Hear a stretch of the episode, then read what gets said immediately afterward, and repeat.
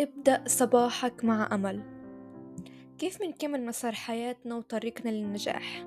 ونضل دايما ملتزمين بالتغيير للأفضل والسعي إلى ما نريد رغم الإرهاق أحيانا واليأس. ببساطة غمض عيونك وتخيل الحياة اللي أنت عم تسعى لإلها. تخيل لحظة وصولك لهدفك اللي أنت عم تشتغل وتتعب عشانه.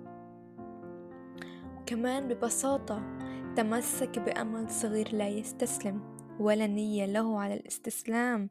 أهم إشي إنه ما إله نية إنه يستسلم.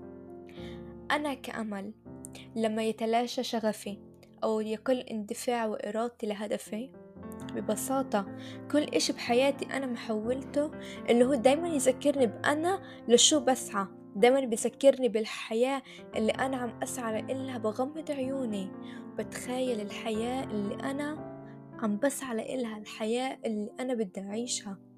حتى التليفون اللي بإيدي كل الفيديوهات فيه والأغاني أشياء تحفيزية الفيديوهات اللي أنا بشوفها بالإنستغرام واليوتيوب هي لقطات من شو أنا بدي أعيش.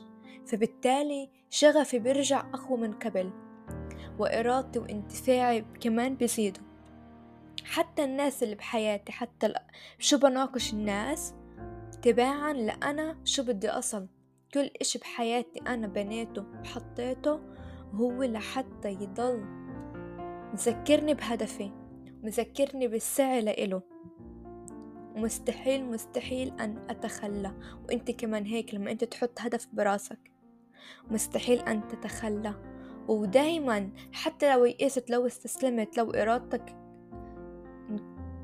بل بلشت تقل بس غمض عيونك وتخيل الحياة اللي أنت عم تسعى لإلها احضرها قدامك. شوف كيف أنت رح ترجع أقوى من قبل.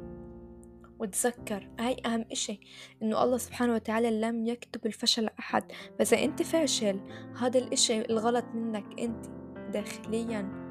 عالجه.